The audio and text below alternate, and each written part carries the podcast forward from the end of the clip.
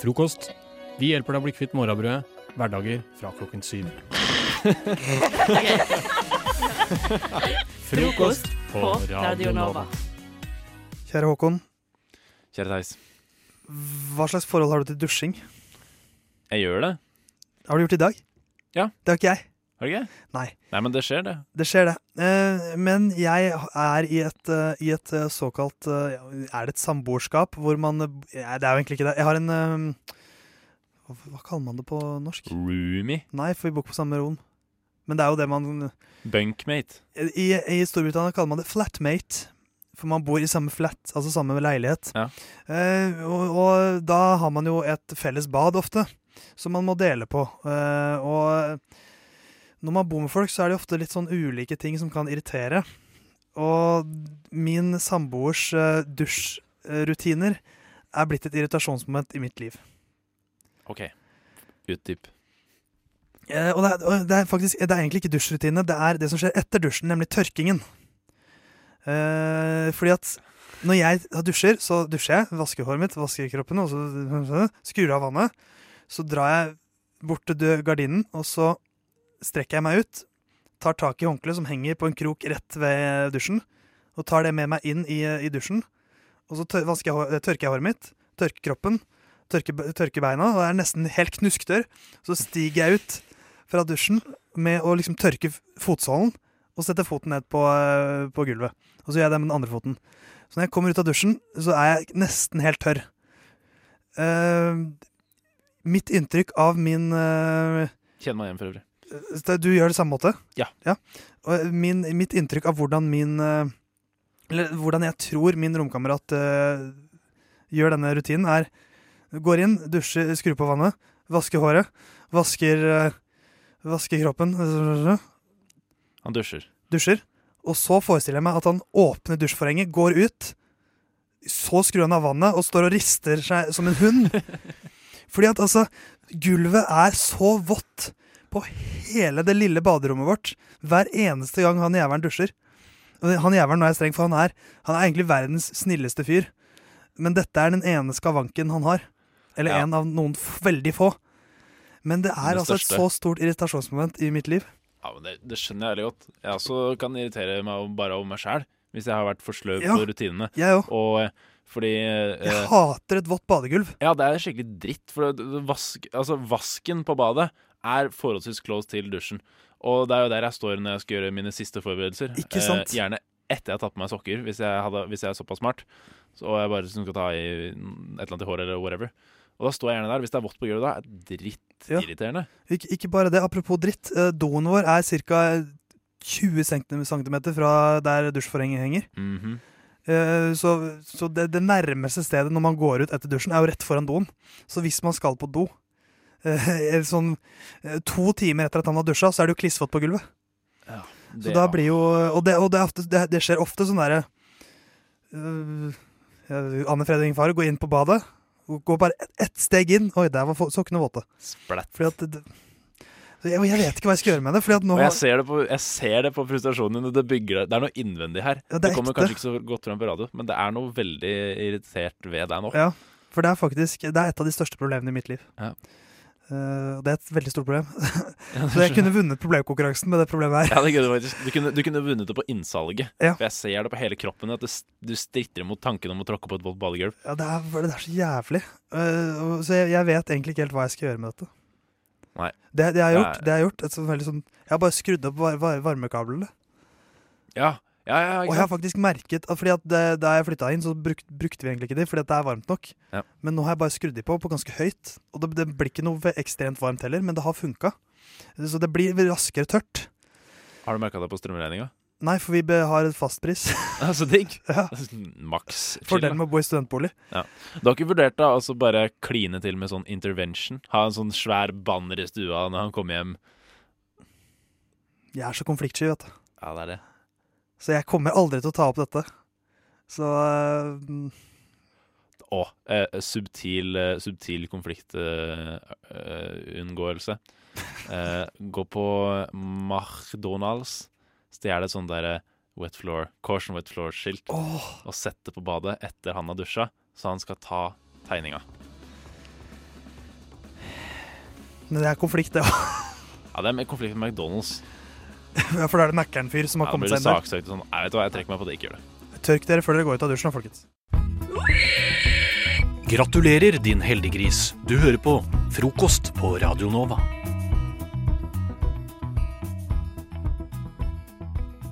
Theis er her sammen med Håkon B. Bekkeseth, som jeg kaller deg. Bønna? Nei, hva var det du kalte det? Håkon Var det ikke Bønna? Jeg tror det var bønna. Og jeg, du Theis eh, Toffen Magelsen. Ja. Bønna og Toffen skal holde deg selskap fram til klokka ni. Um, Håkon, jeg eh, Hender det for deg i ditt, i ditt liv at du hører folk som prater på telefonen, og så blir du sittende og høre på hva de sier? ja.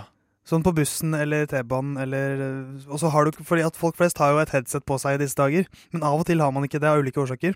Og da blir man sittende og lytte, og det er utrolig hvilke muligheter som kan åpne seg. Det er sant. Jeg, bare, jeg, jeg henger meg bitte litt Jeg syns det er veldig gøy at man Normen er headset, og av ulike årsaker har man Ja. ikke på seg headset. Ja, men jeg, kjenner meg igjen i det. Ja, det men- er det som er så spesielt. min norm i dag er Jeg går alltid med headset.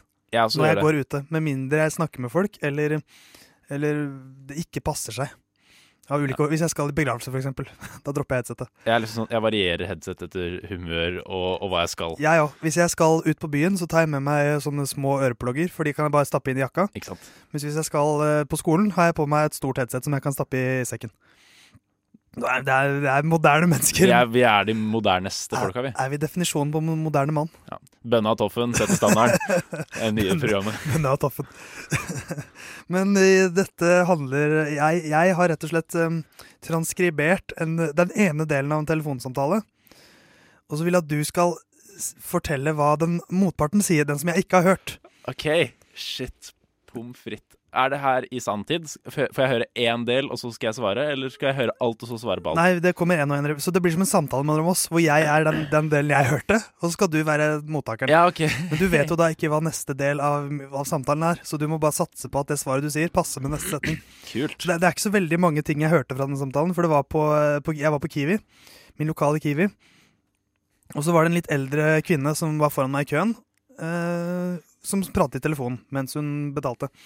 Og det hadde seg slik at eh, liksom Jeg fulgte henne på en måte et lite stykke etter butikken, for vi gikk litt samme vei. fordi at jeg betalte etter henne, og så var jeg raskere med å pakke sammen tingene mine. Så vi gikk på en måte ut av butikken samtidig, og så et par meter etter det. Så det er en eh, syv, åtte, ni replikker jeg skal si, i hvert fall, så da skal du ha like mange. Mm -hmm. uh, Så vi befinner oss altså da først på en butikk. Og når jeg starter, så kommer du med neste Det blir som en samtale. Som en samtale. Ja. Mm. Nei, nei, det, det stemmer, det. ja, for det, det var han som hadde gjort det, var ikke det? Ja, jeg skal bare ta ut kortet mitt. Å ja, shit, sorry, det var ikke meninga å avbryte hvis du holdt på med noe. Jeg er på den beste butikken i byen. Å ja, er det den uh, nede ved landhandelen? Ja, det er Kiwi, ja. Ja, det er Kiwi, ja. ja. Der har jeg jo handla alle mandarinene mine alltid. Du, du bare, vent, bare vent litt. Skal jeg bare, bare, bare vente litt. OK. Er det han kjekke i kassa i dag, eller? Jeg, så jeg bare pakke sammen eh, det, det jeg kjøpte her. OK. Eh, men er det han kjekke i kassa, eller er det ikke det? Sånn, nå begynner jeg å gå. Å ja. OK. Men er det han kjekke i kassa, eller er det ikke det? Nei, syltetøyet mitt kjøper jeg på Ikea. Har det ramla for deg, eller gamle mor? Nei, De har en blanding av jordbær og blåbær der. Å ja. Er det digg? Ja, Den er veldig god.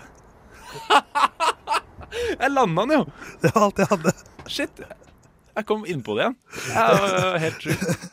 Ja, det var imponerende avslutning. Du var helt ute av det. Ja. Så hentet du deg inn på slutten. Så Og dårlig dekning vet du, midt inni der, så jeg freestyla litt. Ja, sleit litt. Men det er bra, bra jobba, Håkon. Ja, tusen Eh, men vær litt obs på det, lytter. Eh, lytt.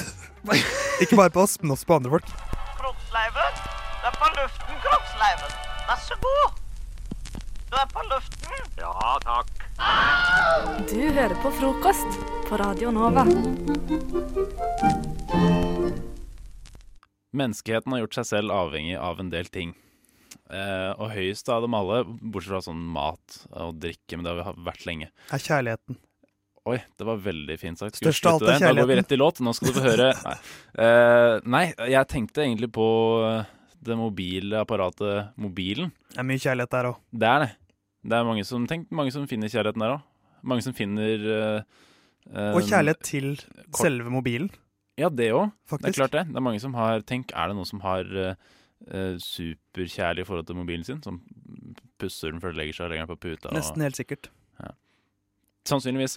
Uh, uansett så er det mange ting vi har gjort oss avhengig av. Uh, og nettopp pga. at vi er avhengig av det, så har mange forståelse for at OK, de må kanskje ha mobilen der og der, og de må kanskje ja, større aksept for å ha, gjøre ting som man ikke gjorde før, da. Ja, det, det, det det er liksom, Du kan ha mobilen framme i, i skolen fordi, på skoletime, i skoletimer og sånn, fordi at ja, jeg, det kan hende legen min ringer, liksom.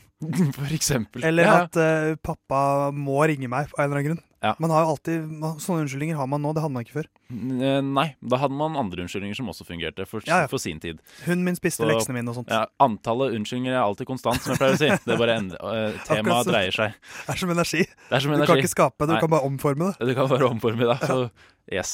Eh, men det, det som skjedde her om dagen, uh, dvs. Si rett før jeg dro på påskefjellet, det var at jeg skulle gå av T-banen her på Nydalen.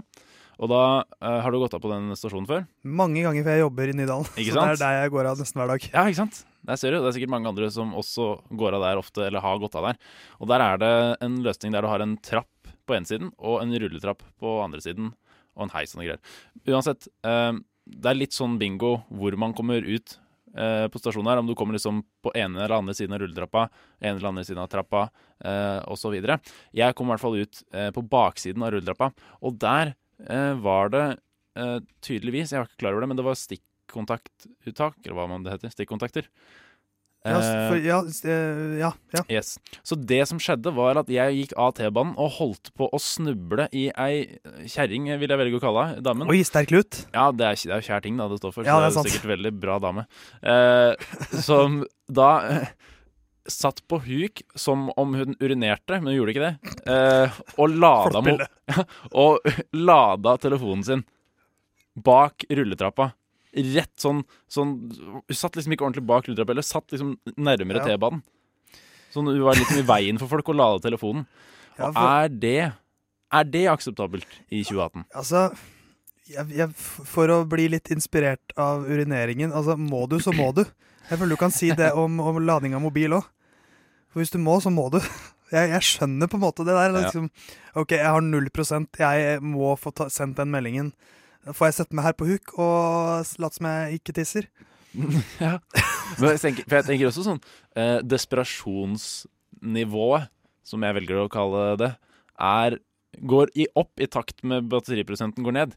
Ja, ja. Og, og også hva som er greit uh, Hva som er greit å gjøre, går også er med, Du er mer tilbøyelig, og noen som har 2 i strøm igjen på telefonen sin, uh, får på en måte lov til å gjøre mer Uh, ting som jeg ellers ikke syns er greit, enn en som har 15. Det er på en måte som en slags moderne rullestol. Fordi at folk i rullestol Elektrisk rullestol, holdt jeg på å si. Nei, for folk i rullestol de får litt sånn, de får litt slack. De får lov til å gjøre litt ting som andre ikke får lov til. Eller hvis du går med krykker, eller hvis du har en eller annen tydelig fysisk eh, eh, Noe som holder deg litt igjen fysisk. Mm. Og jeg føler at mobilen er på en måte en, en mer moderne utgave av det. Sånn, hvis du har 10 med batteri på mobilen, da har du lov til å snike køen, syns jeg. Ja.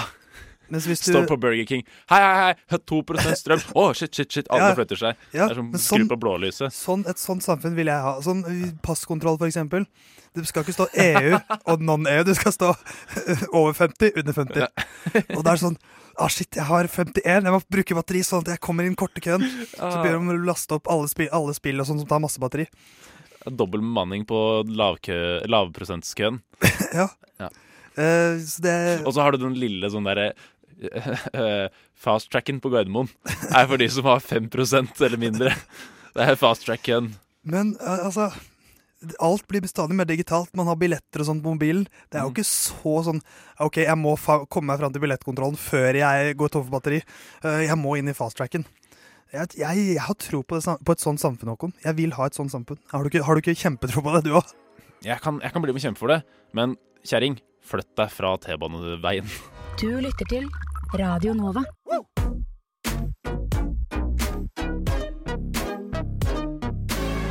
Radio Nova. Studentradioen i Oslo. Radio Nova. Ja. Hva? Nova? Ja.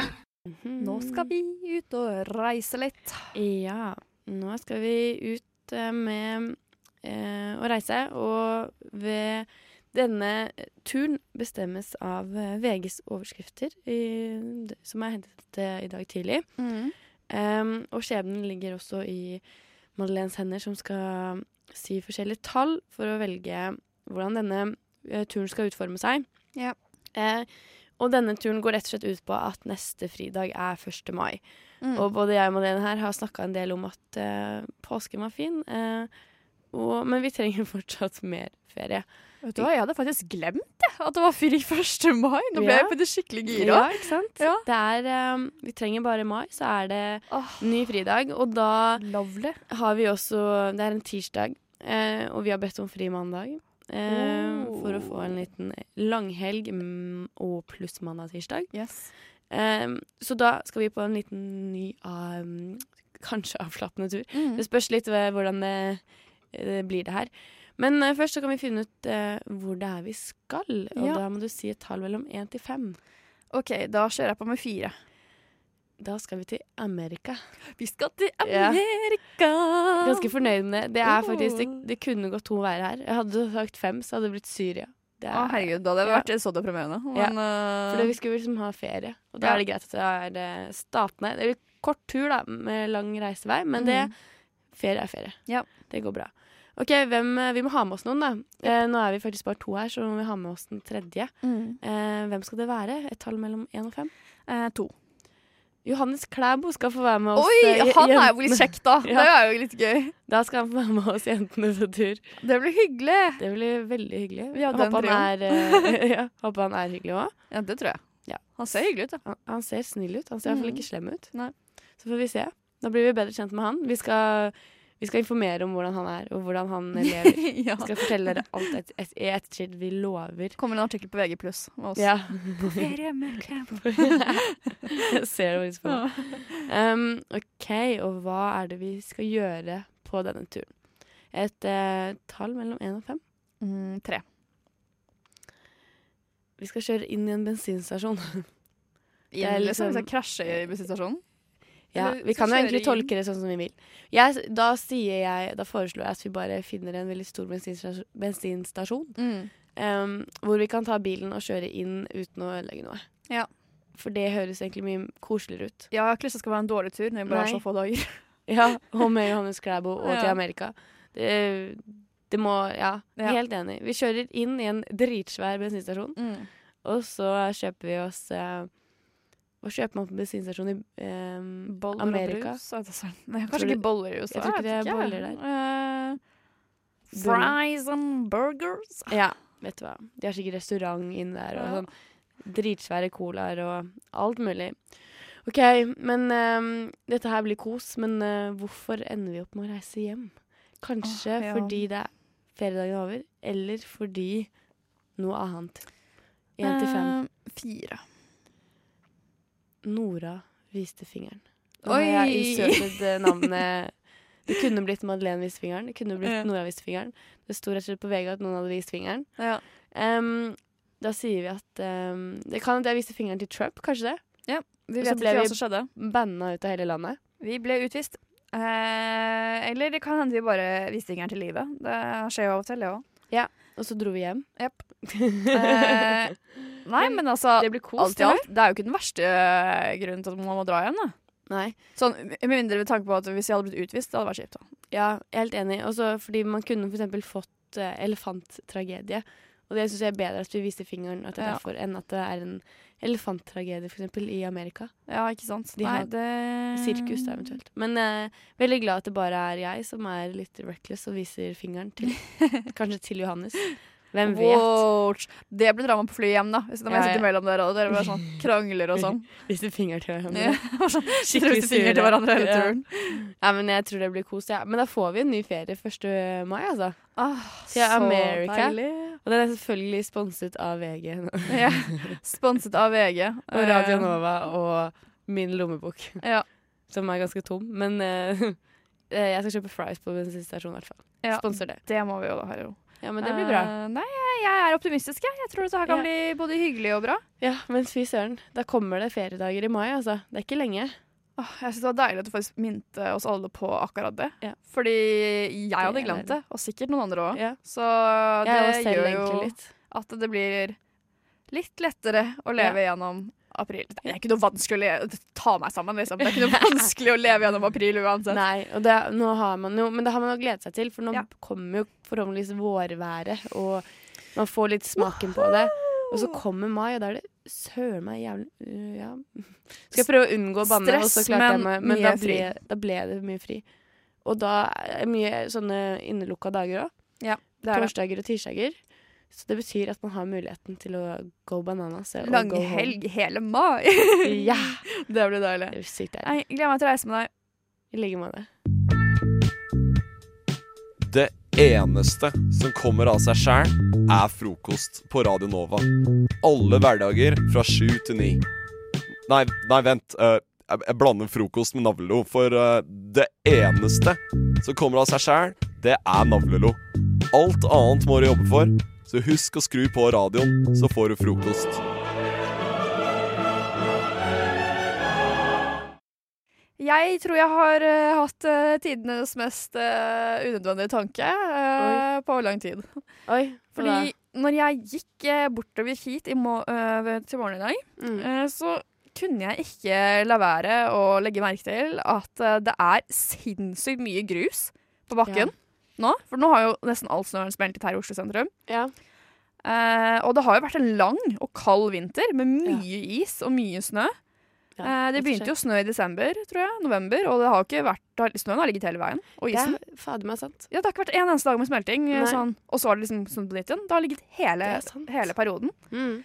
Så naturligvis så blir det jo da sikkert mye grus, da. Og det er sikkert blitt sånn grus, is, snø, Ja. grus, is, snø. For det har kommet ny snø Ja. hele tiden. Sant. Og nå ligger det helt sinnssykt mye grus eh, rundt omkring. Og har, men har de feia Har de ikke feia noen steder? da? Ja, kanskje noen steder, men jeg tror det er sånn der selvfeiing, liksom. For jeg tror, de, Ja, okay. jeg tror de feier sånn offentlig sånn rett før 17. mai. Oh, ja. For det kan jo Så snø sant. Ja, ja, det kan jo snø igjen. Sant. Det er trist å tenke på, men jeg har faktisk gått her, eh, eller i Asker, da, i 17. mai-tog i snø. har du det? Ja, det har skjedd. Uh, Såpass. Ja. Ja. Så, men eh, det jeg da tenkte, da, min mest unødvendige tanke på lenge, uh, var det at hvor blir det av all den grusen her, og hva gjør de med den? Oi. Altså, men Jeg vet at man feier gatene, men fanger de da opp grusen? Når de da feier? Eller bare, for jeg trodde de bare feide den til siden. Ja, det trodde jeg egentlig. Men, men det når det er så mye grus Ja. Fordi nå er det mengder ute, liksom. Ja, det er skikkelig mye. Det er sånn Hele fortauet er jo dekka grus. Sykt godt spørsmål. Jeg, du sier unødvendig. Jeg synes uh, helt nødvendig å tenke på. Ja. Å vurdere og finne ut av, egentlig. Skal vi se om vi klarer å finne det her. Jeg tenker sånn en, Hvis de da bare feier grusen til siden, så blir det bare masse grushauger overalt, og man ser ikke gresset, fordi Eller man ser jo gresset, da, men man ser jo ikke gresset i kantene. Ja, Og det vil jo bare bli spark... Altså sånn, det er jo Det høres ikke ut som eh, noe som er så veldig lurt. I forhold til bare Nei. at det blir, faller tilbake igjen, og det bare blir der, da. Det er ikke en langsiktig løsning, tenker jeg, eh, i så fall. Og, men, og så tenker jeg sånn, ok greit, hva hvis de i så fall fanger opp grusen, da? Mm. Hvorfor, hva gjør de med den? Kaster de den? Bruker de den på nytt igjen? Vasker de den? Renser de den? Eller bare Jeg vet ikke hva de gjør med den, liksom. Men så er det Vent, da. Men 600 tonn av dette skal feies opp, men strøsand kan ikke gjenbrukes. Sjekk hvorfor her. OK, så de Um, feier ja. altså opp grusen? Det virker jo det, siden de, virker som det siden de sier feier opp. Um, ja, feier opp ca. 600 tonn hvert år. Resten forsvinner bl.a. under brøyting i løpet av vinteren. Men hva skjer med grusen etter at den er feid opp? Her er det noen som har svart på spørsmålene dine. Ja. Grus som blir feid opp på parkeringsplasser og gang- og sykkelstier, har vi vurdert forure... forure det Forurenset? forurensningsgraden til å ikke være særlig stor. Avfall i massene blir sortert ut og levert Hamos, jeg vet ikke hva det betyr. Massene er derfor tidligere blitt brukt til fyllmasse. Ja, jeg vet det, jeg skjønte ikke det. Ma massene kan med andre ord ikke direkte brukes om, om igjen som strøsand, da de inneholder mye støv og små fraksjoner. OK. Um, men da virker det som det feies opp, men at problemet er at det ikke kan brukes på nytt. Som grus, men de, det stod de Ja. brukte det i bygningsmasser. Ja. Så de bruker det kanskje i konstruksjon, da. Ja, så de bruker det. Men det er bare ikke til samme formål. Men eh, ja, men det Men Det da er lærte vi noe nytt i dag også. Ja, det imponerende. Du har stilt et eh, viktig spørsmål her. Ja, Nå, hvis ikke så hadde vi gått uvitende. Og tenk på alle de som lurer på det samme. Fordi de ser haugevis av grus som de lurer på hvor skal du hen? Det er sjukt mye grus ute nå. Det er faktisk helt vilt. Men det var nyttig informasjon, ass, fordi ja. Men det kan, eh, hvis man vil, ikke til å anbefale, men eh, sette barna til å lage sandslott av grus i veiene. ja. Ikke kanskje til å anbefale. Utnytte før det blir borte. Ja, ikke til kanskje til å anbefale sånn Nei, ikke egentlig. rent sånn Men det går an. Ja, det går an. Det, så hvis du vil være litt smart og samle opp litt grus nå, sånn øh, for å sikre deg sånn til neste år, så kan du bare gå ut nå og ta med deg en liten pose, kanskje en liten kost eller spade, og bare ta litt sånn grus i en pose. Så er du sikra og kan strø liksom innkjørselen din eller øh, og inngangspartiet til der du bor, da. Så da er du sikret en uh... Gjør det før de henter det. ja, det er veldig smart. Mm. Det tror jeg blir dagens oppfordring fra meg i hvert fall, og deg også. Ja, At vi samler grus nå før det er for sent.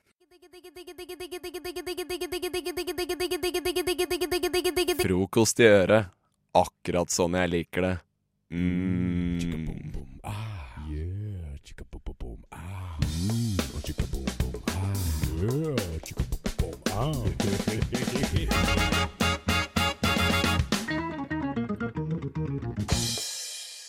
Jeg hadde en ganske interessant eh, opplevelse i påskeferien. Ja, vi får høre. Som mange andre så var jo jeg på fjellet. Mm. Eh, jeg var da ikke på fjellet med en vennegjeng, men jeg var med familien. Mm. Eh, det var jo hyggelig, det. Ehm, og som vanlig så gjør man jo litt sånn utendørsaktiviteter da, når man er på fjellet. Eller kanskje ikke som vanlig, det skal jeg ikke si, fordi folk gjør forskjellige ting. Ja, men, eh, mange er flinkere på å ute, kanskje. Ja. Og gjøre aktiviteter. Det frister litt mer. Mm. Uh, og jeg da gikk da min første tur på langrenn i år. Har Ja. ikke fått vært på fjellet noen ting tidligere. Uh, litt dårlig, men sånn er det. Tiden strekker ikke alltid til. Nei. Eh, var dum og tok ikke med maskinene mine hjem heller til Oslo, fordi jeg tenkte sånn, «Å, det blir jo ikke vinter i år. Men uh, ja. Så da tok jeg meg en tur på langrenn. Mm. Eh, hadde nok uh, Altså, jeg vil si at jeg trener sånn jevnlig. Jeg er ikke noe supertrener. Trener Nei. én til to ganger i uka, kanskje. Altså Det er ca. én til to ganger mer enn meg, så det, Ja. du er ganske flink. men, ja, men det er jo ikke alltid det blir to ganger en gang. Altså, noen ganger er det bare en gang også. Det kommer litt an på, men jeg prøver liksom å holde den. Så jeg er Formen. sånn helt greit trent. Ikke Mhm. noe sånn veldig trent, ikke sånn veldig sterk, ikke sånn veldig kondisgreier. Helt sånn Helt, Helt sånn vanlig, vil Mhm. jeg si. Ja. Så jeg hadde vel ikke helt regnet med at det lang... Jeg hadde glemt litt at det var eh, tungt Ja, og slitsomt å gå på langrenn. Ja. Det kjente det godt i kroppen. Hadde nok ikke spist så nok mengde mat heller for å stikke ut på en to-tre timers tur. Oh. Så jeg merket det at på vei hjem igjen Mm. Så var jeg ganske lei livet, egentlig. Jeg hadde bare lyst til å komme meg hjem så fort som bare mulig. Jeg syntes det var slitsomt, solen begynte å gå ned, det Såpass. kaldt. Det var sånn. Jeg var sånn Nei, jeg tror jeg kaster opp nå. Jeg er så sliten. Jeg tror jeg klarer Jeg var, der, liksom. Ehm, så kom jeg på det siste partiet, da, ned mot hytta.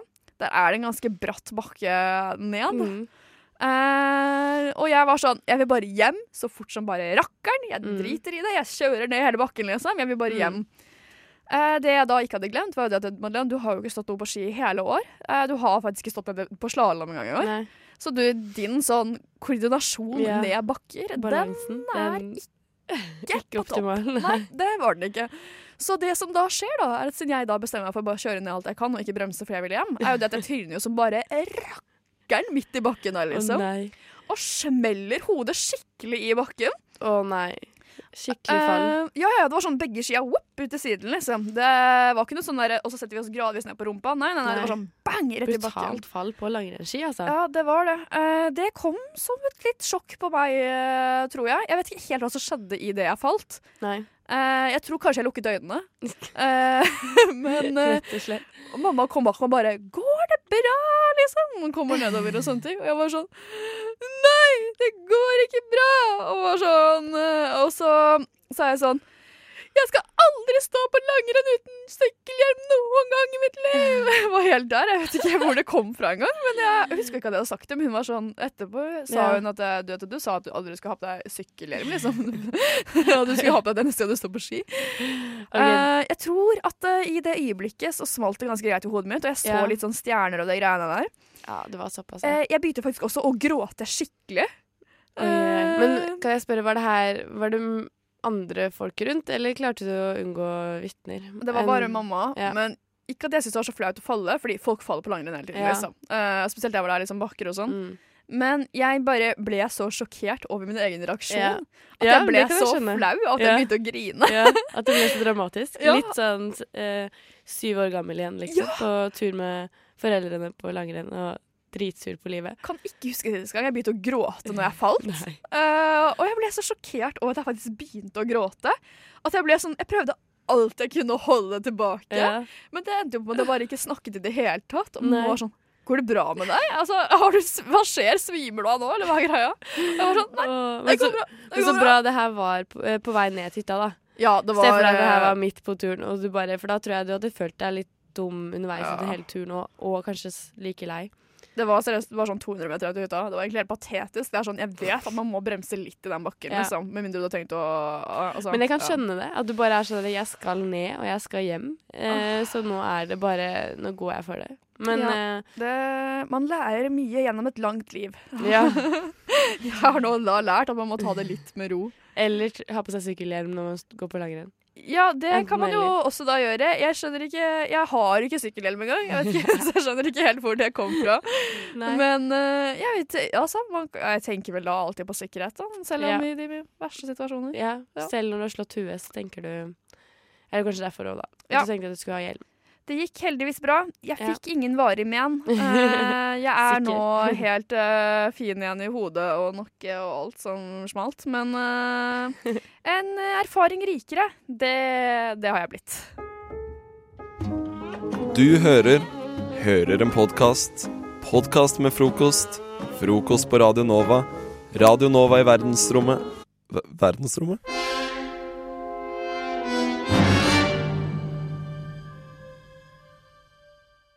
Bare sånn uh, lite callback til tidligere i sendingen, så snakket vi om at man, man kan sjekke om man har fått igjen på skatten eller ikke. Må bare minne folk på. Ja, det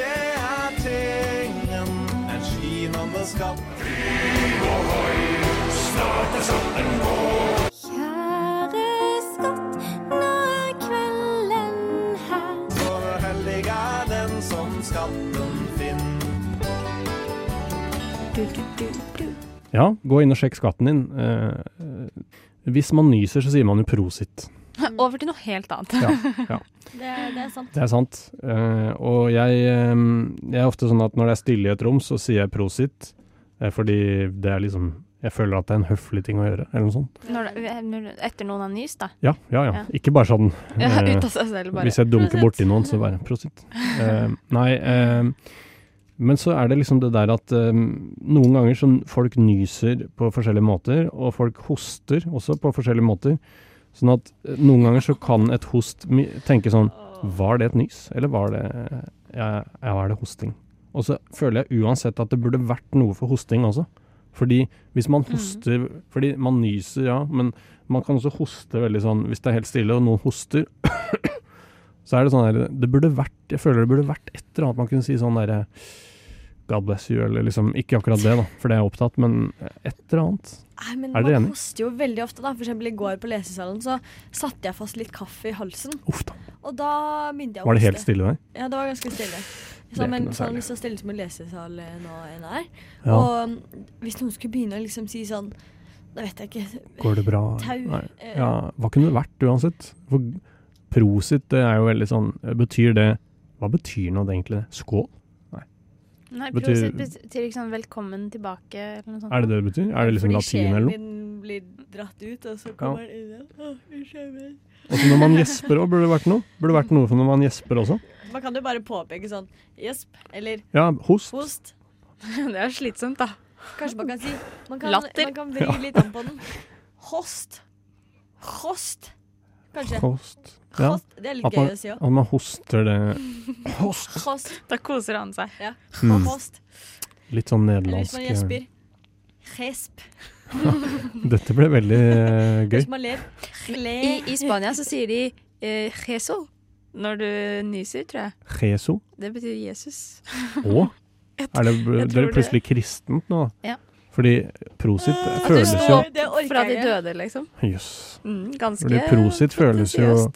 Prosit føles jo relativt sekulært, vil jeg si. Mm. Jeg vet ikke Men det har jo noe med sjelen å gjøre. Men eh, nei, jeg bare savner et eller annet med etter et host, da. Og for så vidt også gjesp. Nå når du gjesper, Ane, så merker jeg at det må Vi må ha noe på gjesp òg, egentlig. Um, Tror det blir gjesp. Gjesp. Ja, jeg får tenke litt på det. Um, inntil videre så får jeg bare finne meg i at folk lager lyder rundt meg, uten at jeg nødvendigvis kan gjøre så mye med det. Podkast. Hæ? Podkast? Hva sier du? Podkast med frokost. Jeg har vært eh, hjemme ja, i påsken. På gode, gamle Lillehammer. Kost meg der. Eh, så tenkte jeg at etter at nå er det lenge siden jeg har lest GD, altså Gudbrandsdølen Dagningen, som er den eh, lokale avisa i Lillehammer, eller Gudbrandsdalen, da. La oss bare lese. For det, det er litt sånn fillers, syns jeg. Hm. Er, altså, det, jeg syns at de, de kunne godt skrevet at de Det er ikke de store, granskende journalistiske eh, Det blir ikke noe SKU-pris? Nei. Nei. La oss bare lese overskriften. Vinstra.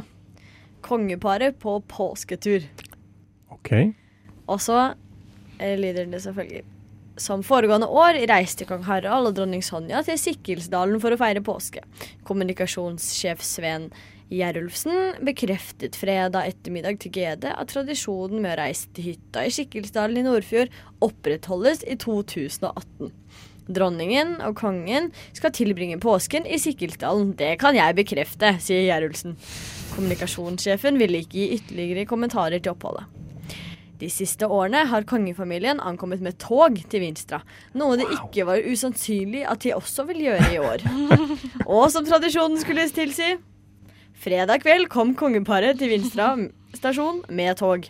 Det ble rullet ut rød løper for å ønske eh, påskegjestene velkommen til Gudbrandsdalen. Så har de tatt med sånn snikbilde, ser det ut som, av at kongen går ut av toget ut på den røde løperen. Se der, ja. Det er veldig sånn dårlig bilde tatt fra liksom Veldig sånn helt zooma inn, ser det ut Ja, det var liksom ikke hoffotografen sin ikke eh, bilde der. Men det, eh, Jeg syns det var litt spenstig sak, jeg. ja, det er liksom eh, Det er morsomt. Man ser for seg den journalisten som er bare redaktøren sier Du, Gunnar, vi må, ha, vi må ha tak i noe informasjon om det påske. Og så ringer han til Flåttet, og så sier han at han ikke har noe ytterligere kommentarer. Så det er tydelig at de, de vil ikke snakke sånn veldig mye om det, for de skal bare kose seg. De skal ikke på noe statsbesøk til Gudbrandsdalen eller noe sånt. Nei, ikke sant. Jeg Nei. tror at de tar hensyn til eh, de gamle, at GD tar hensyn til de gamle. At de repeterer så mye som mulig. Ja. Uh, sånn at de er helt sikre er på at alle sikkert. får med seg Nå har vi bekreftet. Mm. Ja, ja, ja. Men vet dere hva? Jeg har en til sak, jeg. Har du det? Var det mer som skjedde i Gudbrandsdalen? den er fra Biri. Fra Biri? okay. Fader, det er stor den Gudbrandsdalen. Altså. Ja, Det er ganske langt fra Vinstra til Biri. Disse vil bli Biri-rektor. Hæ? Biri ungdomsskole og Biristrand skole skal ha ny rektor på plass innen neste år. Hæ? Til begge stillingene har det meldt seg fire søkere, og så lister de bare de som har søkt. Shit. Og hva de jobber med og nå, og hvor de er fra. Og hvor gamle de er. Hæ? Og det kan det faktisk bli nyheter av. Det er ganske utrolig, fordi det er sånn derre Altså, når Oslo Met og BI får ny, eh, ny rektor Heter det rektor? Ja, det gjør vel det der. Da er det jo litt Da skjønner jeg kanskje at det blir en Ja, ikke voldsom nyhetssak, men da kommer det så vidt opp i overflaten sånn Å ja, det er ny uh, Kurt Rice, ja. Ok, greit. Men liksom Biri ungdomsskole. Bare Og sånn barneskole. Og barneskole. Bare sånn derre Nei, vet du hva. Det blir for dumt, ass. Men jeg vet ikke om jeg hadde satt pris på hvis jeg søkte på en jobb, at det ble annonsert i avisa at jeg hadde søkt det. Pauline Øsgaard har søkt om å bli eh, journalist i GD. Ja, og så er det liksom også at eh, jeg, eh, jeg har jo um, Onkelen min er sauebonde oppe i Gudbrandsdalen, og jeg vet litt åssen skravla går der. Der er det sånn derre De vet alt, liksom. Men også sitter sikkert de gamle tekjerringene og bare Å, Eirik Grimsbø. Jaså, ja. Nei, han vil vi ikke ha. Jaså, han prøver seg, ja. Ja, Tore, Han vil Tore Ramberg. Ja, han er enda verre. De veit sikkert hvem alle er. vet. Ja, Nitan Rydberg. Ja, det er fetteren, det er broren, og så er det Ja, ja. nevøen. Det er jo litt sånn. Og bestefaren. Men uh, ja, hvem er din favoritt til uh, Var det det du hadde, Anne? Eller var det Ja, det var sånn Ja. det. Jeg Hva- håper at uh, Ane Hoel Kalmyr på 28 år, som er student eh, 28 år, ja. Håper hun blir rektor på Biristrand skole. Det hadde vært noe. Lykke til. Hun het Ane også. Ja. Lykke til, Ane. Dette er en podkast fra frokost på Radio Nova. Jeg er jo et medium minus kult menneske. Jaså. Noe å karakterisere seg selv som. Ja, man må ha litt selvinnsikt. Um, og det er det folk tenker når de ser meg. Tenker fader så medium minus kul hun var. Så mediocre. Eh, Ja, minus. Ja, Medioker minus. Um, og det tenker jeg at eh, jeg prøver jo veldig hardt å bli hakket kulere. Gjør vi ikke alle det? Gjør vi ikke alle det? Jo, og du blir ikke kulere enn du prøver å være, som jeg pleier å si. Det er veldig sant. Uh, og jeg tenkte at uh, jeg har noen tiltak, noen tiltak som jeg tenkte jeg skulle sette i gang med, men jeg har lyst til å høre med dere først. Lurt, Eh, lurt. Dere som er medium Ganske kule. pluss. Ja. Medium pluss-kule. takk. Jo. Uh, og eh, jeg tenkte bare at uh, vi kjører i gang med hipp eller glipp. Ja. Um, Kjøra på.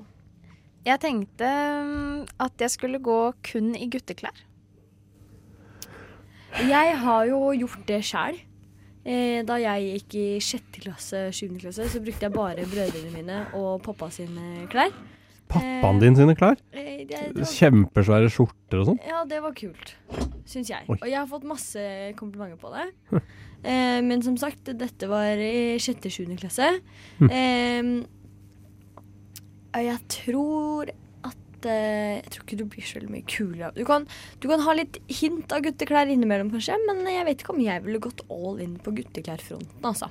For å bli kule. Fordi det finnes en fin balanse der. Altså. Og så syns jeg det er så utrolig mange kule eh, dameklær. Ja. Eh, Hva er ditt favoritt-dameklesplagg? eh, at det må være Hva ville du savna hvis du bare skulle gå til løse bukser. løse bukser? Ja. ja, fordi eh, litt sånne gutteklær, det blir og, og Buksemessig er det kjempestor forskjell. Jeg, føler meg dum når jeg spør om det, men eh, på buksene, det er jo kanskje ikke der man merker dem best? Eller? Det er bluser og sånn. Eller Ja, sånn som ja, den det er det. de, de, Dette her er en herreskjorte. Er det en herreskjorte som du har på deg nå? Mm. Ja, det er kanskje det. Jeg tenker at det var en uh, dameskjorte, men det er kanskje fordi du er en dame. Og da tenker jeg at det er en dameskjorte. Men det finnes jo utrolig mange Altså Jeg ser ofte på Fordi hun ene jeg bor med, hun har en kjæreste som er hos oss en del. Og han er litt sånn hipp. Er han for mye der? Han er, nei, nei, ikke for mye. Det er fin balanse der. Det er bra. Eh, heldigvis. nei da. Men eh, han har veldig mange kule klær. Og broren min også har veldig mange kule klær. Og det er litt sånn, jeg blir litt sånn herre Åh, Hvorfor kan ikke jeg bare vært gutt? Eller hvorfor kan ikke jeg bare gå i gutteklær? Men eh, Men det kan du jo, og det kan jo hende at du blir kulere. Ja, jeg sier, eh, jeg sier hipp, fordi det er litt sånn der kunstnerisk å gå med La oss si ja, eh, skjorter og som du bretter Store Faren din sine store skjorter som du bretter opp, og de er litt sånn baggy. Det er litt sånn eh, atelier, at man er på atelierfølelse. Mm. Jeg sier ja. Tommel opp. Et skeptisk nei til jeg sier eh, glipp pluss. Skråstrek hipp minus. OK, jeg skal ta det med meg. Ja, ikke sant? Ja. Jeg er litt, jeg er litt, du kan litt hint av gutt... Ja. Mm. Ja. Mm. Du skjønner hva jeg mener. Mm. Skjønner jeg er også litt full. Eh, neste er at jeg skal starte rappegruppe som heter Aftenpoften. Aftenpoften, ja. Det ser jo ut som at Mm. det står Aftenpoften. Det gjør veldig det. Aftenpoften. Der kan Um, du starte, Fredrik. Uh, starte en rappegruppe? Nei, ikke gjør det. Det er for mange av de. Uh, hvis du starter en rappegruppe, så prøv på bergensk. For Jeg jeg skal akkurat det si det. Hvis du hadde vært fra Bergen, kjør på. Du er fra Østlandet. Nei. Nei, det, fordi Eller Shit, eh, nå kom jeg på Du, eh, kan jo, eh, hvis du lærer deg ordentlig gudbrandsdøl-dialekt For det er veldig få rappegrupper Ja, på, på Døl. Det er veldig sant. Og du er jo fra Gudbrandsdalen, så det burde ikke være så vanskelig å liksom adoptere Mm. den uh, sosiolekten, dialekten som er der nede. Gilma kult. Jeg kommer fra. Jeg kommer fra Otta, og det er sauer overalt. Da tror jeg du blir spilt her på vært. Ja, det faktisk Hvis du ja, klarer å få litt dørdialekt, så sier jeg faen meg. Da er det hipp, ass. Men Anna, da tror jeg du må være med. Jeg er med, og det blir bra. Ja. Og jeg er fra Otta. Det var eh, døll rapp. Ja. Døl rapp. Neste, uh, og for så vidt siste. Eh, jeg tenkte at Eller jeg kjøpte jo med meg et halvt brød fra Baker Hansen i dag. Fordi jeg hadde bare pålegg hjemme. Ja. Så tenkte jeg at jeg kjøper med et halvt brød, og så spiser jeg noen brødskiver, og så har jeg litt til senere. Men du hadde med pålegg? Jeg hadde med pålegg. Ja, ja. Eh, så da fikk jeg på en måte en full frokost her, da. Mm. Eh, og jeg må si at når jeg gikk rundt med et halvt brød, og var liksom sånn litt sånn Fy fader, Jeg følte meg litt Men du gikk du med brødet på en måte på, i, som en baby? Ja, altså litt sånn I sånn posen, da, og så gikk det noe slang sånn på siden. Å Sånn. ja, så det var en bærepose? Nei, det var Nei. en sånn brødpose. Brødpose, ja. Hm. Baker, Baker Hansen brødpose. Du skal se at det er et brød, liksom. Jeg tenker nok at du bør ehm, For jeg ser for meg i Frankrike når de har sånn bagetter, at bagetten stikker ut av litt sånn derre eh, papp... eh, nei, pr eh, Papirpose. papirpose, ja. Eh, og eh, hvis du har den litt sånn derre Hvis du har brødet litt sånn under armen som en slags amerikansk fotball, Mm. da kan det være Men ikke at det slenger sånn. Det blir eh, Det er ikke hipt for meg. Mm. Så, Så det er hipt måten kan- du gjør det på, da. Måten du bærer brødet på. Mm. Jeg har hørt at brød er den nye grønne smoothie. Oi. Så jeg tenker bare kjøra på. Og brød er mm. jævlig digg også. Og så nybakt brød. Mm, mm. Ikke noe bedre mm, enn det. Mm, mm. Ja. Ta litt pålegg i sekken med brød i hånda og smack, smack. Det, det kan bli bra, det. Føler du Har du blitt noe klokere? Eh, jeg har blitt kulere. Har du blitt kulere allerede? Eh, jeg kjenner det på meg, ja. at det begynner å spire. Du hører en podkast fra morgenshow og frokost mandag til fredag på Radio Nova.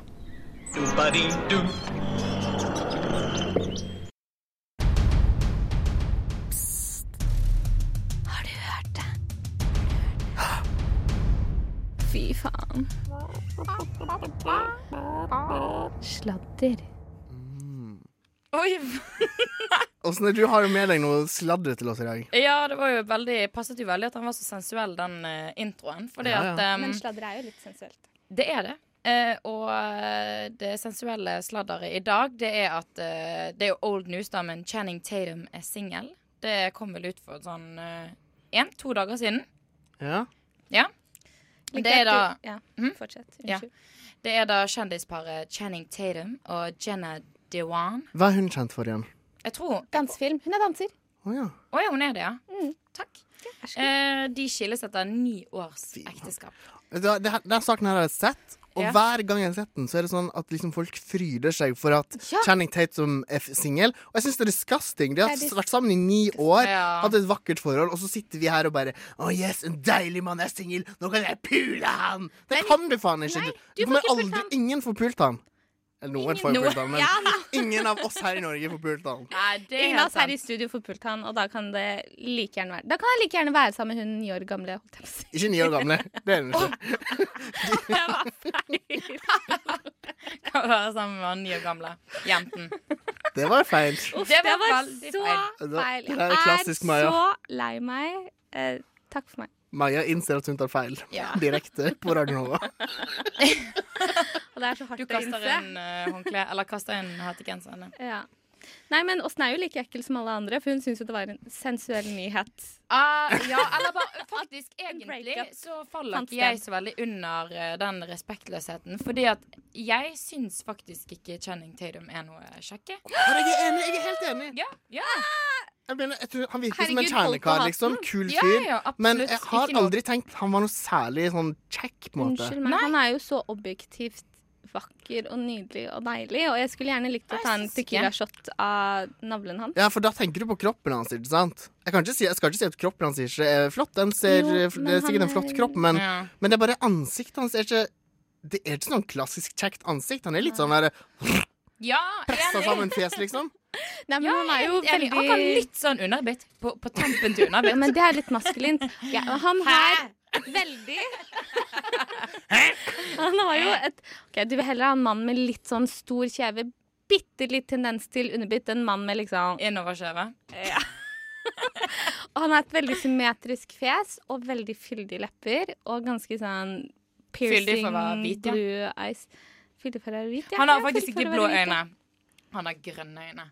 Og det er faktisk, har jeg lagt merke til at det er veldig mange amerika amerikanere som har grønne øyne. Men det gjør han jo bare enda deiligere, for Ja, grønne øyne det er det er, så, det er to små skinnesmaragder der, liksom. Altså, Channing oh, Tatum, hvis du. Hører dette, så er jeg jævla vårer, så det er bare å komme Hvis han hører dette, så skjønner han ikke, for du snakker norsk. If you hear this, Channing Tatum, I am so war ear, so come here and find me. Yes, you are war ear. War ear. Nei, jeg tenker lykke til, eh, Channing. Det, er- det er en vanskelig verden, og jeg syns det er trist å høre Men det positive i dette her hele er jo at de tydeligvis there. At de tydeligvis skiller lag som gode venner, og at de fortsatt er veldig veldig glad i hverandre. Til Ja. og med love each other. Ja, det er veldig bra. Har de Ja. barn? Ja, de har Ja. datter. Det er et annet sånt Hollywood-par, og det er Matt Damon og hans dame, som har vært sammen i 15 år. Så enten så er de next, eller så Jeg håper de aldri skiller seg nå. Nei, og er- Kim og Kanye Ja. er også Og også han Ryan, nei, Ryan Reynolds, hva heter Ja, ja, ja. Og hun Blake Blake Lively. Ja. Og der har, det vært, der har det vært rykter i går om at det var noe galt. Nei. Men han gikk ut på Twitter og bare Bitches, no. Oh, OK, så bra. No. Så Kom igjen, heia, heia, heia. Straks skal vi spille gameshowet Homo eller Homo sapiens. Høres homofobisk ut? Ja, Veldig. Du hører en podkast fra morgenshowet Frokost mandag til fredag på Radio Nova. Vi skal snakke litt om påskepress, og, det her, eh, og da har Vegard Harm noen visdomsord på Instagram. Mhm. Eh, vi kan starte med å bare høre hva han sier om påsken. Skal bare si én ting. Neste påske så roer vi oss kraftig ned, for dette orker jeg faen ikke. Mer press har det aldri vært før. Slutt å følge på fjellet og drive og Se på øs, se på øs, vaffel, vaffel, afterski, afterski. Det er ikke noe gøy på afterski. Det er svett, ekle mennesker i kondomdresser. Det er helt sant. Ja. Påskepress, det er stress. Og um, altså, de fleste av oss har vel Instagram ute i denne verden her. Ja da. Og det er vel gjerne det han refererer til, at uh, her blir det postet både det ene og det andre av Hemsedal og ski og festing og afterski. Um, og, Og eh, Åsne som isbader. Og hvis ja, ikke sant? Jeg Det er press! Du er jo med på å skape det presset ja, her, ja, er du gal? Så jeg sitter jo her som tidenes dobbelt. Eh, jeg vil heller ha dobbeltmoral enn ingen moral. Så um, her sitter jeg i min uh, er Krøllalfa Sofie Elise Ja. Sofie Elise. Sofie Elise. Um, men uh, ja, uh, jeg sitter jo her og er skikkelig hyklerisk med tanke på at jeg på en måte postet bare Jeg hadde en veldig Instagram-vennlig påskeferie, for å si det sånn. Det var Det veldig si. fint vær. Det kan du Ja. si. Og faren min han kommer fra et sted som heter Stranda, hvor de har Stranda? Stranda, hvor de har fantastisk fjell og fjorder. Og Og, det er bare Og skinke. Og mårpølse. Det er Har de det? Og mårpølse. Mm. Strandasnacks. Ja. Mm, kjempegodt. Elsker. Kjempegodt. Jeg har jobbet der. La oss ikke Ah, snakke har du jobbet det. på Stranda? Nei! Mhm. OK, vi går videre. Påske, Ja. påske. Nei, men eh, Og på en måte bare sånn Men så sitter jeg jo litt oppå min høye hest og tenker liksom Åh, mine fine bilder. OK, greit, teit. Men Hemsedal enda teitere. Ja, er ikke det? Jo. Jo. Greit at det er på en måte postet litt sånn herre «Åh, Ut på ski. Men um, altså, dette Altså, jeg så noen bilder, og det var liksom Staysman og 500 folk som bare sånn står og gnikker hverandre oppi, sånn som Vegard Harm sier, oppi de kondomdressene sine, og Ja, det er ekkelt. svett ekkelt. Men jeg, får, jeg føler mer pre... For jeg kan godt like det. Jeg kan godt like å stå liksom, gnukke meg litt svett og ekkel og hive innpå litt sånn tamt øl. Heller det enn å stå, jeg veit ikke, åtte kilometer på ski og så spise en liten Kvikk Lunsj som Ja. belønning på toppen der. Og skåle i den ene Frydenlunden jeg har båret med meg, og liksom tatt bilde og si 'se så flinkt Ja. norskt påskemenneske jeg er'. Jeg, får, jeg føler åh, åssen jeg føler så press av den Instagram-kontoen din. Mye mer. Men, men fake it till you make it. Altså um, langt ifra lang skitur. Eh, man starter høyt oppe, går kanskje drøye én time, og så sitter man seg ned, og så later man som om man bare har gått liksom tidenes Altså, et Instagram-råd for meg fake it, fake it till you make it. Men det som er så Fordi at jeg har ikke noen Hemsedal-venner. Jeg tror ingen av mine Insta, ingen jeg følger på Instagram, er på Hemsedal. Og er sånn Å, så du så ingenting av det? Nei, heldigvis. Det hadde vært irriterende. Men absolutt alle, tror jeg, absolutt alle jeg følger, har vært og stått på ski Ja. og har tatt bilde av det. Og det er liksom sånn, OK, det kan gå greit. Jeg syns faktisk at du, Åsne, hadde et bra innlegg. Jeg kan faktisk lese opp her. Du har et bilde av deg og en venninne som sitter på en fjelltopp med sol, og det er nydelig vær og kjempefin utsikt. Og du er veldig nydelig, du, Åsne. Og så står det liksom i eh, bildeteksten Fortsatt ikke ring meg. Ring heller 113. Her er det farlig god stemning. Latter-emoji og sånn telefonfinger-emoji. Nei, det er sånn uh, um, Det- Å, hva heter det? Det sånn Hang loose? Ja. Ah, ok. I hvert fall. Da på en måte Da, da lo jeg høyt. Ja. Hadde jeg satt hjemme i stua mi og tenkte Da er det greit. Hvis du har en god caption, hvis du har en god grunn til å legge ut bilde, da er det greit. Men alle andre de, de blir så blend, på en måte. Alt går bare inni seg selv. Eller Hemsedal eller hemsegal? alle bildene er så like, da. Det er liksom OK, snø og en person på ski. Jeg ser som hvem du er en gang på det bildet. ikke Jeg tenker at det er greit så lenge det er humor. Humor Og kan jeg bare få lov til å si noe, for den var jeg faktisk ganske fornøyd med. Og forhistorien var jo også det at jeg hadde lagt ut et bilde før. Mhm, her er det en som poster mye bilder.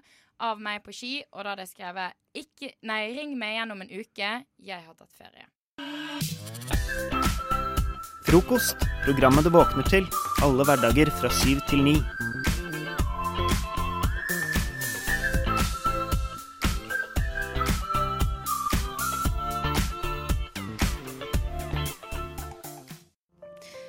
Er jo en kjensgjerning at det fins to typer mennesker her i verden.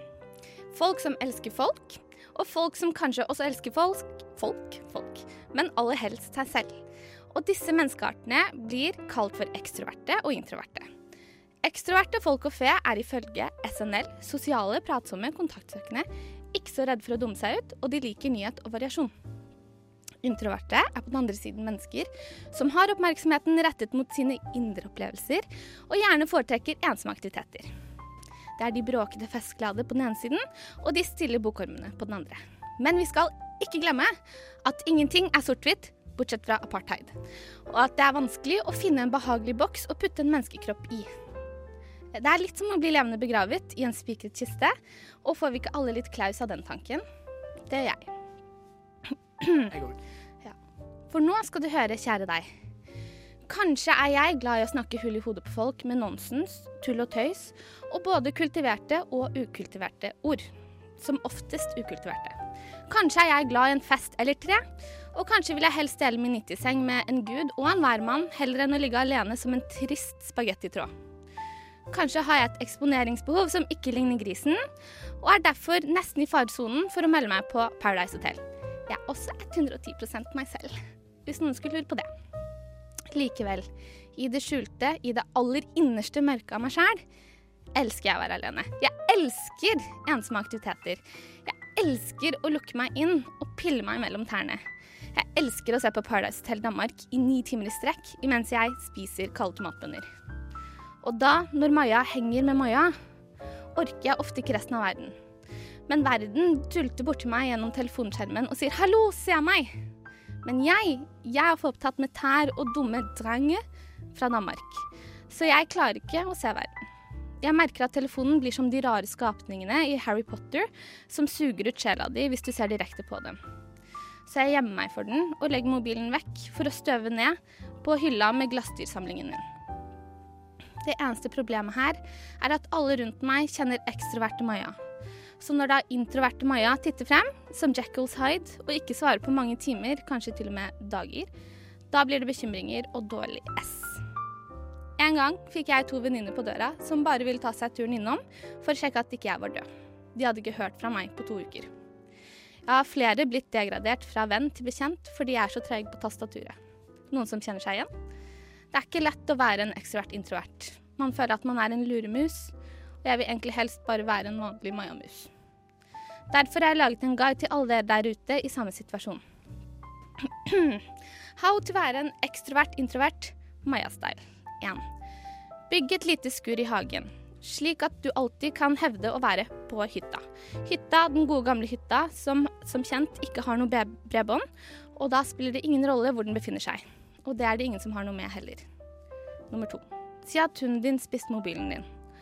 Dette er en modernisert versjon av at hunden spiste leksene dine. For at denne skal være troverdig, bør du helst gå til anskaffelse av en hund, men ikke skaff deg schæfer, for da blir du spist selv. Nummer tre. Kjøp deg en klapptelefon fra Nokia og hevd at det er et forsøk på samfunnssatire. Nummer fire. Få venner som er like håpløse til å svare som deg. Det kan muligens ende i at ingen snakker eller avtaler å møtes noensinne, som igjen kan føre til en introvert-introvert livsstil og ikke et ekstrovert-introvert livsstil. Nummer fem. Ikke under noen omstendigheter, noen omstendigheter, ha på SnapMap. Da skjønner folk at du bare henger i skuret i hagen din og ikke er på hytta i Tyldal. Nummer seks. Pådra deg psykiske lidelser. Si at du har en ny type sosial angst, nemlig sosiale medier-angst. SoMe-angst for short, eller SO, eller SO-ME for ekstra short. Dette ligger jo for så vidt litt sannhet i. Frokost på Radio Nova. Ok, Frokost på Radio Nova. Det hele startet da jeg oppdaget en smørebenk i stuen til pappa for fire år siden. Den sto ruvende som et alter midt på stuegulvet, opplyst av solstrålene som trengte seg gjennom vindusrutene og dannet en slags glorie rundt den fremmede gjenstanden. Jeg så fryktinngytende på smørebenken, kastet et spørrende blikk bort på pappa. Jeg skal gå Birken i mars, sa han, og jeg skjønte at ingenting kom til å bli som før. Pappa har alltid trent mye. Da jeg var liten, var jeg helt overbevist om at han var sterkere enn hulken. Han er oppkalt etter den norrøne tordenguden, som egentlig er ganske passende for en sta og sterk elektroingeniør. Men pappa er også ambisiøs. Det holdt ikke å være elektroingeniør. I midten av 20-årene dro han til Storbritannia og ble sivilingeniør i datateknologi. Og i begynnelsen av 50-årene skulle han altså bli dritgod på langrenn også. Forrige uke, dagen før skjærtorsdag, tok jeg T-banen til barndomshjemmet mitt i Bærum, der pappa og kjæresten hans ventet på meg i en Audi med skiboks på taket. Pappa var opptatt med å forklare hvordan han ved hjelp av en app på telefonen sin hadde skrudd på varmen på hytta allerede, så jeg lot være å fortelle at min langrennsteknikk ikke har utviklet seg siden vi sist var på skitur sammen, som antageligvis var en gang på midten av 2000-tallet, da jeg fremdeles hørte på Acon på MP3-spilleren min. Rundt frokostbordet dagen etter snakket de andre om føre. Om smøring, om glid, om temperatur, om værmeldingen. De pekte på et løypekart på veggen og forklarte meg hvor vi skulle gå. Underlige navn på vann og fjelltopper smeltet sammen i en ordstrøm som ble til en slags hvit støy for meg da jeg forsøkte å følge den røde linjen gjennom halve jævla Telemark. Pappa pekte ut av vinduet, sa noe om Gaustatoppen og fjellski, og jeg kjente at jeg ble svimmel. Ja, det høres ut som en fin tur, sa jeg. Mest for å overbevise meg selv. De påfølgende 40 minuttene gikk med på å forberede skiene. Oppglødd loggførte pappa høyt alt han gjorde. Rense, preppe, smøre, glide. Jeg hørte ord som sandpapir, stålbørste, hesteårsbørste og strykejern. Så en masse farger. Rød, lilla, blå. Fluor ble plutselig nevnt. Det toppet seg da pappa tok frem drillen og satte på et munnstykke som lignet en miniutgave av børstene i en drive-in bilvask. Nå skal jeg bare kjøre denne nylonbørsten over skiene, så får vi god glid, kvitret han. Jeg var allerede svett under superundertøyet. Pappa ga meg en kjapp innføring i grunnleggende skiteknikk og brukte enda flere fremmedord og mange metaforer. Jeg falt av allerede da han sa vektoverføring. Etter det er alt svart. Eller strengt tatt hvitt. I fire døgn løp jeg etter pappa, i solfylt snølandskap. Jeg kjente min egen puls dundre i hver celle i kroppen. Svetten fosset nedover ryggen min, selv om jeg hadde tatt av anorakken og kun brukte et tynt lag ull. Kjæresten til pappa lurte på om jeg hadde glemt å smøre meg med solkrem, og påpekte de blodrøde kinnene mine. Jeg ristet på hodet. Nei da, vannfast faktor 50. For hver dag ble pappa mer og mer fornøyd. Han målte snittfarten vår på enda en app på telefonen sin. Jeg klarer faktisk å holde følge, da. Dristet jeg meg til å si etter å ha fått i meg en stripe Kvikk Lunsj. Ja Pappa dro litt på det. Men det er fordi du er i form, ikke sant? Du hadde et utrolig stort utbytte av å lære deg litt ordentlig teknikk, Julie. Så som nå så flyter du jo bare på kondisen. Så erklærte han at jeg skal sendes på skikurs og få skøyteski til jul. Jeg som visstnok er så ung og sprek og har litt krutt å brenne opp. Og det var da jeg innså at jeg hadde to alternativer. Jeg kunne enten ta avstand fra dette langrennsjaget og dermed se min egen pappa gradvis stake seg vekk fra meg. Eller jeg kunne bli med ham skøytende mot en felles horisont. Da vi kom tilbake til hytta, bestemte jeg meg idet jeg seg sammen på en saueskinnsfell i solveggen med en iskald gin tonic i hånden som belønning. Jeg takket ja til skøyteski og kurs. Jeg valgte pappa. Har du registrert denne fjelltoppen din, Cap? Frokost. Jeg har min smarttelefon opp på gamle godrøret. Pip. Nå går jeg ned. Nede. På Radio Nova. Eh, har dere sett eh, Camp Culinaris eh, på TV3, eller? Jeg har ikke sett det. Jeg har ikke sett det, men du snakker så mye om det at jeg får egentlig med meg det meste. Det er på en måte Det er Farmen, bare at de er på et kjøkken. At det er noen kjen- C-kjendiser som skal lage mat. Og det er jo det er noe som har fylt et tomrom i norsk TV. Men da. stemmes de ut? Ja, nei, de stemmes ikke ut. De går ut uh, hver uke. Oh, ja. Så det sendes mandag til torsdag. Uh, og det er mange C-kjendiser som er der. Men uh, i går så sjekket det inn en ny kjendis som kanskje kan sies å være av et litt større kaliber enn de andre. Jeg har kommet hit for å vinne. Det tror jeg jeg gjør. Vet dere hvem som kommer? En person med grått hår og rosa frakk. Ari Ben, jeg er død! Ari Behn sjekket inn, kan jeg si det, på Camp Culinaris. Absolutt. Med Per Heimly. Åh, Å, med han på slep Men, ja, nå, men nå skal jeg se på Camp, Camp Culinaris. Eh, ja, Altså, det er dette. helt sjukt. De to de kom inn i uke fem, og det er de eneste som har kommet inn underveis. Så de ble jo satt til å servere, siden de ikke hadde opparbeidet seg de samme kokkekunnskapene som de andre deltakerne, som tross alt hadde vært der i hele fem uker allerede. I dag skal jeg servere, det er jeg god på. Jeg har jo eh, svart belte i smalltalk. Jeg er veldig god på det, så det klarer jeg. Så jeg må servere og være kul og holde talken, ikke sant? Det klarer jeg. Nei, men godt. Kos dere. Han Ari er jo mye flinkere til å flørte enn å jobbe. Men jeg elsker flørtinga hans. Så flink du er. Skulle tro du hadde gjort det her før. Jeg har nok eh, Jeg har vel gjort det før. Ja, Jenny Jensen var veldig glad for at eh, prinsen uh, sjekka, prinsgemalen sjekka inn på Camp Culinaris. Kan jeg si sjekka inn på Camp Ja, si sjekka inn. Han sjekker inn, og han sjekker opp. Altså, eh, Jenny Jensen har jo på en måte blitt Camp Culinaris' moderalibi, men idet mannen med talent for lykke ankom, så skyter kåtskapen hennes eh, rett til eh, værs. Kanskje har hun spist litt for mye østers eh, mellom opptak, hva vet jeg. Det er jo sånt uh, afrodisiakum, er det ikke det? Man blir kåt av østers. Jo, jeg har også hørt det. Sjokolade og østers. Men en annen som ikke akkurat ble trist som faen av å skulle stå ved siden av uh, prinsgemalen ved grytene, det er Charter-Svein. Fordi ja, det er ikke rart at det kiler litt i badeshortsen når Ari lager en omelett til deg i baris. I'm going to make you all an omelette, okay? Just for you. Jøss, sånn. Det er jo ganske uvirkelig nesten at eh, Ari B står, eh, står nesten naken og lager omelett til meg. Jeg våknet med ereksjon, det var det gjorde det. Det tror jeg alle, det tror jeg alle har gjort i dag. Ja, og Svein tror at alle også har våknet med ereksjon. Eh, Det kan godt hende. Beneren har fått benneren, tigeren i hagen har våkna opp, og englene har sneket seg inn i bakgården. Halleluja, halleluja. Altså. Are Behn står eh, i baris og lager omelett til Chartsvein. Det, det høres ut som en sånn ra den rare drømmen Det er en feberdrøm. Ja, det er en feberdrøm. Det er helt sjukt. Men det jeg lurer på, dere, hva gjør Ari Behn og Per Heimly på Camp Culinaris? Eh, Snakker om seg selv, primært. Men hvorfor er de der?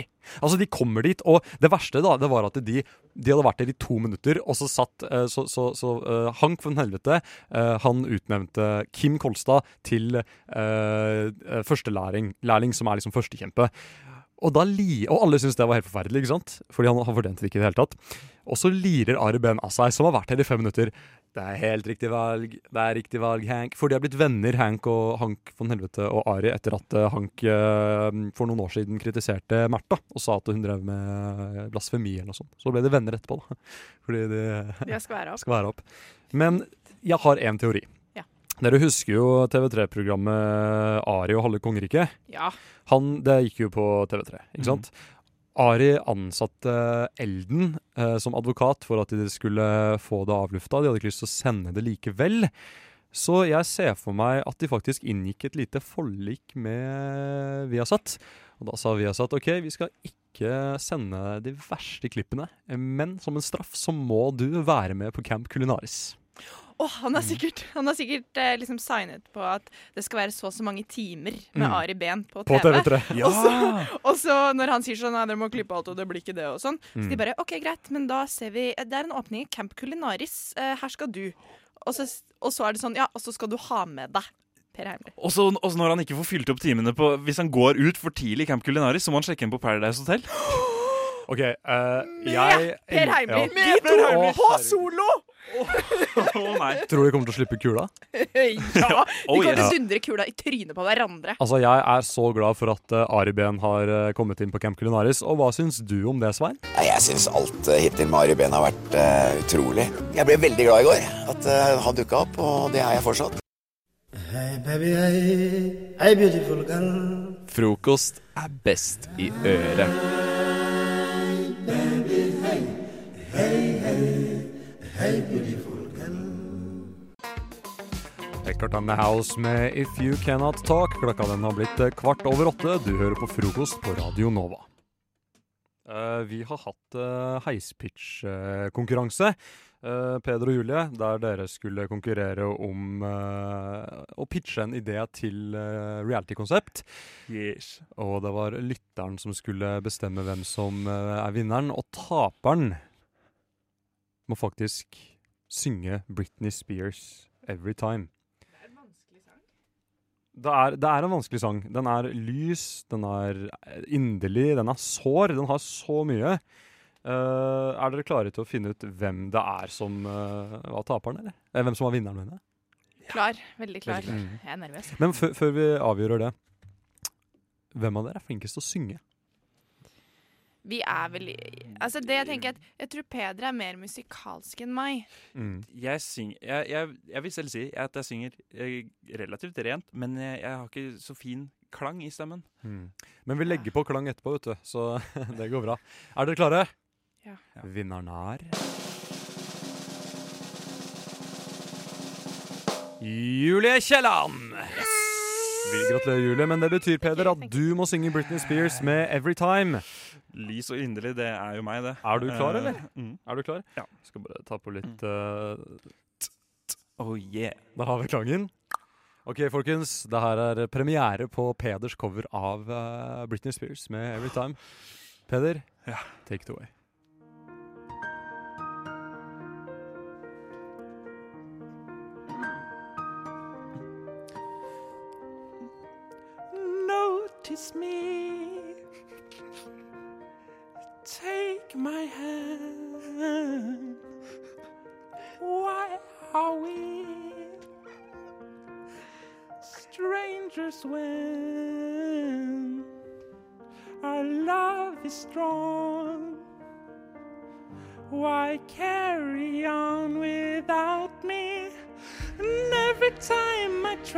Vi må være med, Julie. I fall without my wings. I feel so small. I guess I need you, baby. And every time I try to fall, I fall without my wings. I feel your face. I guess I need you, baby. Nei, dere, vi orker ikke. Vi går rett til låt. Radio Nova.